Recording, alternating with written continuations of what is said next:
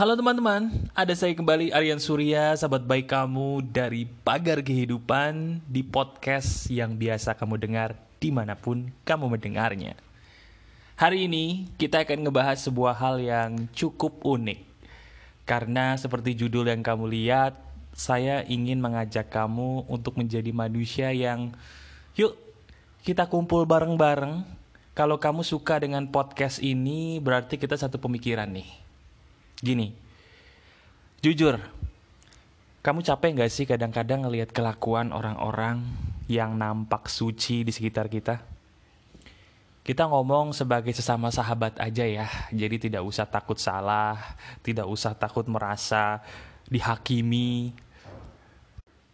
Sekarang coba katakan dengan jujur kepada saya, apakah betul di dalam hatimu sudah mulai jengah, capek gitu ya, melihat kelakuan orang-orang yang nampak baik, religius, tapi kelakuannya malah enggak banget. Kalau memang benar kamu capek, saya mau tanya lagi. Pernah nggak sih terbesit dalam hati kamu capek jadi orang yang beragama? Karena apa mas? Ketika saya mencoba untuk jadi orang beragama, kok kayaknya lebih banyak pusingnya, lebih banyak jengahnya daripada bahagianya. Pernah kamu memikirkan seperti itu?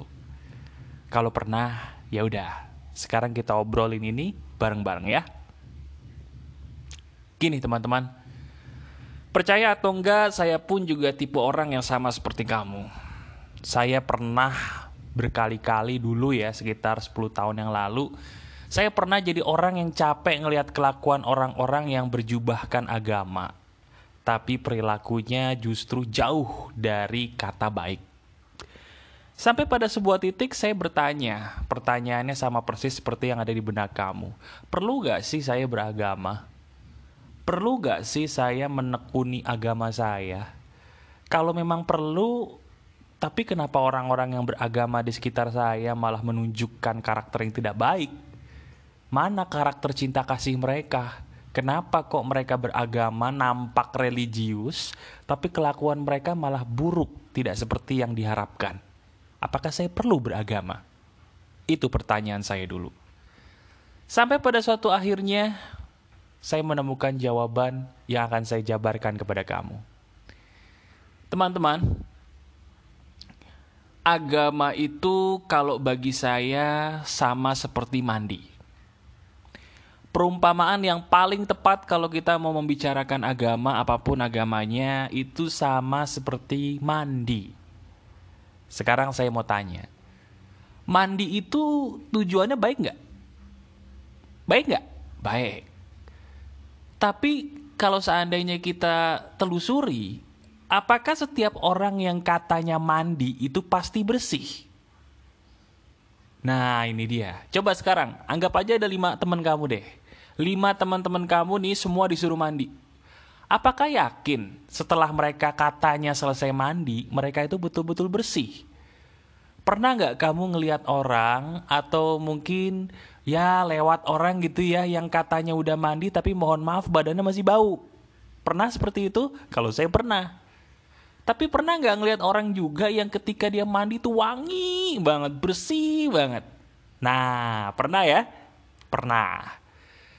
Sekarang, kalau lima orang itu semua pada mandi, tapi ada yang mandinya tidak bersih, itu salah mandi atau salah orangnya? Coba jawab. Ada lima orang teman kita mandi tadi, tapi kok selesai mandi masih ada yang bau? Salah mandi atau salah orangnya?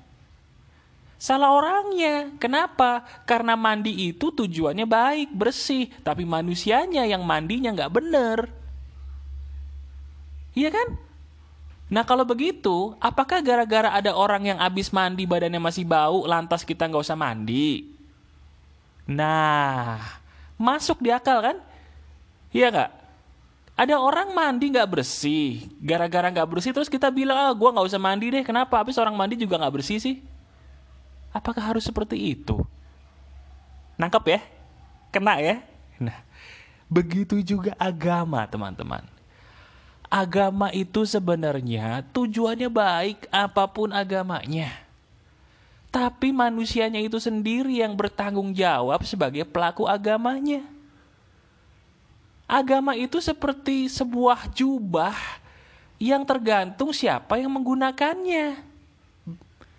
Kalau penggunanya itu orang-orang yang dasarnya memang mencari kebaikan, kesadaran ruhnya bagus, dia akan menjadi orang agamawan yang baik. Dia akan menjadi pencerah-pencerah agama yang mendamaikan, bukan merusak. Jadi saya pengen bilang, hapus pikiran kita bahwa agama itu mengajarkan kejahatan Hapus pikiran kita bahwa agama itu menyusahkan. Yang bikin susah itu pendapat orang-orang yang make agama. Betul gak? Coba kita renungin ya. Yang bikin susah itu adalah pendapat orang-orang yang pakai agama. Mentang-mentang mereka mohon maaf berjubah agama atau berjubah orang yang harus dituakan secara agama, lantas pendapat mereka pasti benarkah? Ya enggak dong, mereka juga manusia.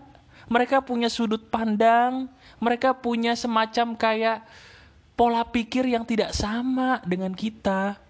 Bisa jadi pendapat beliau benar, bisa jadi juga pendapat beliau salah.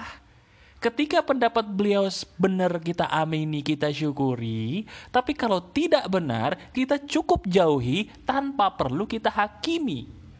Itu cara beragama yang betul. Jadi sekarang nggak bener tuh mentang-mentang kita ngelihat orang agamawan itu kelakuan yang nggak betul terus kita mabok-mabokan. Terus kita mohon maaf main perempuan, maksiat kiri kanan. Pindah-pindah pasangan dari satu nemplok, satu nemplok. Begitu dibilang, lu kucing. Enggak, gue manusia. Bohong, lu kucing. Kenapa kawin mulu nemplok sana, nemplok sini nikah di pengadilan agama kagak tapi nemplok sana nemplok sini kamu kucing kucing bukan?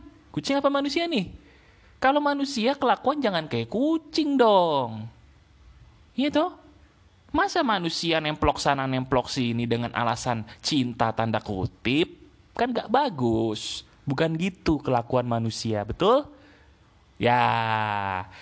Tapi mas saya tuh ngelakuin gini, setidaknya saya nggak ngurusin hidup orang lain. Saya nggak mau hidup saya diobrak-abrik karena saya pun tidak ngurusin kehidupan orang lain, mas. Jadi tolong, saya ingin melakukan ini, yang penting saya orang baik dan tidak munafik seperti itu tuh. Wah dia nunjuk tokoh agamawan tuh. Seperti itu tuh. Jubahnya suci tapi kelakuannya nggak bener. Yang penting saya nggak jadi dia mas. Saya mau melakukan apa pun itu hak saya. Widih. Pernah denger orang kayak gitu kalau dibilangin? Wah sering banyak. Bahkan mohon maaf jangan-jangan itu kamu ya. Aduh maaf banget nih kalau kalau kena nih. Maaf ya. Maaf ya, nggak apa-apa. Kita belajar pelan-pelan. Gini. Kalau kita bicara soal perbuatan baik, bisa nggak menurut kamu kita jadi orang baik, tapi kita melakukan hal-hal yang jauh dari kebaikan? Coba kita renungkan. Saya ulangi pertanyaan saya, tolong kamu renungkan ya. Bisa nggak kita jadi orang yang sepenuhnya baik, sementara kita masih jauh dari perbuatan-perbuatan yang baik itu sendiri? Saya tanya, minum alkohol itu baik atau tidak? Dokter-dokter sudah semua sepakat. Sesedikit apa pun alkohol yang masuk ke badan kita, itu bisa merusak sesedikit apa pun loh ya. Berarti gak harus mabok.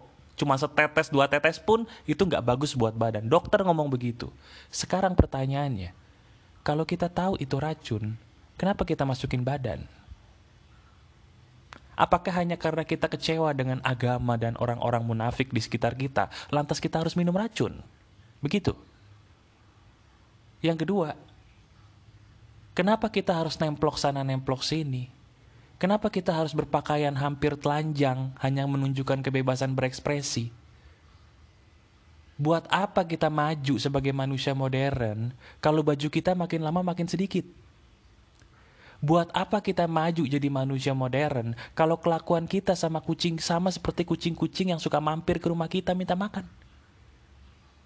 Loh kita nggak boleh marah loh, kita nggak boleh tersinggung loh. Apa yang saya bicarakan ini benar loh.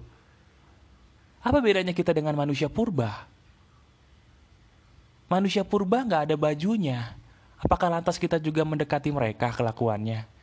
Nggak pakai baju? Atau baju cuman basa-basi? Bahannya dikit gitu? Apa bedanya kita sama manusia purba? Katanya kita manusia maju. Ya tapi itu fashion mas. Oh fashionnya jadi setengah telanjang gitu ya. Oh gitu. Coba kamu sadar. Ngerasa dikibulin nggak? Ngerasa dikibulin nggak sama fashionnya? Kalau saya jadi kamu saya ngerasa dikibulin. Kenapa? Capek-capek zaman kita maju, kenapa bahan baju saya makin dikit ya? Jawabannya sederhana. Karena manusia itu butuh dipuji. Ketika dia berpakaian yang bagus, sopan, mungkin jarang ada yang muji. Begitu bajunya setengah, setengah, setengah, setengah, setengah, setengah telanjang, bahkan 7 per 8 telanjang, mohon maaf, banyak yang muji seksi, jadinya demen. Padahal yang dia cari apa? Cuman pujian. Yang kamu cari itu cuman pujian kan, penerimaan kan, penghargaan bahwa kamu tuh cantik kan, bahwa kamu tuh tampan kan, bahwa kamu tuh berharga kan, betul apa enggak? Iya toh? Betul nggak?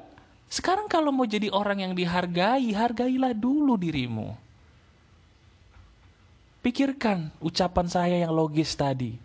Kalau kita memang berada di zaman modern, kenapa baju kita makin sedikit bahannya? Iya nggak? Nah, sekarang gini. Kita nggak usah jadi orang yang terlalu harus sempurna dalam hal agama ataupun kebaikan. Fokus aja jadi orang baik. Tapi tolong diingat, orang baik itu dimulai dari baik terhadap dirinya sendiri dulu. Gak bisa kita ingin berbuat baik kepada orang lain secara total, tapi kita lupa berbuat baik dengan diri kita sendiri. Gak bisa. Kalau kita selama ini suka masukin racun, suka masukin bahan-bahan yang gak bener ke badan kita, ya udahlah tobat dulu yuk. Podcast ini sampai ke telinga kamu bukan kebetulan loh. Ini petunjuk dari Tuhan bahwa dia sayang sama kamu. Ayo kembali ke jalan yang lurus. Kalau kamu jengah dengan kelakuan orang-orang yang terkesan agamawan tapi munafik kelakuannya, jengah boleh, capek boleh, bahkan kesel boleh, tapi jangan sampai diri kamu melepaskan diri dari agama karena kita butuh agama. Paham ya? Jadi yuk jadi orang baik. Podcast ini sudah mencerahkan kamu, tidak ada yang kebetulan, semua terjadi atas izin Tuhan. Podcast ini bisa sampai ke telingamu karena memang ini adalah petunjuk darinya bagi hidup kamu. Sebarkan podcast ini sebarkan pagar kehidupan, dan rasakan perbedaan yang terjadi dalam hidup kamu seizin Tuhan. Masih ada saya, Aryan Surya, sahabat baik kamu selalu dari pagar kehidupan. Tetap keep the spirit, keep sharing, and keep loving. Bye-bye.